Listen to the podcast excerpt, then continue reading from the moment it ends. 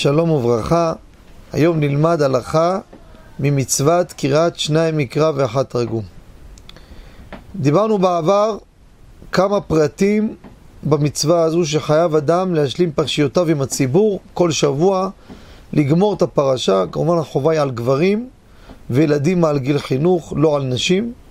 אישה שתקרא יש לה גם מצווה, אבל לא חובה.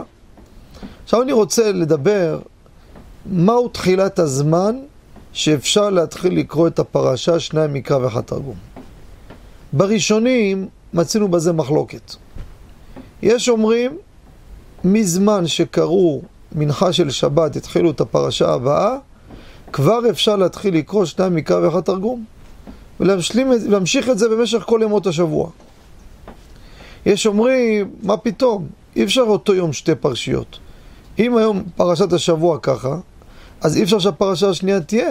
לכן זה יתחיל רק מיום ראשון בבוקר. שולחן ערוך, מרן השולחן ערוך פסק מיום ראשון ואילך. מיום ראשון בבוקר מתחילה המצווה הזו לקרוא. פסק כמו שיטת הכל בו, שאם קרה לפני הזמן לא יצא ידי חובה. והלכה למעשה לספרדים, מי שקרא משבת בצהריים במנחה, לא יצא ידי חובה. שולחן ערוך פוסק מיום ראשון. לאשכנזים, ממנחה של שבת. משנה ברורה, כתב, יום ראשון זה לאו דווקא, אבל זה לשיטתו. פסק כמו שיטת המורדכי. ולכן, בסיכום, לספרדים, תחילת זמן הקריאה הוא מיום ראשון בבוקר.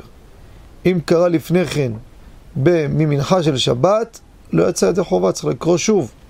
לאשכנזים, מזמן, שת... אחרי שהתפלל מנחה של שבת, כבר מתחילה הפרשה הבאה. תודה רבה וכל טוב.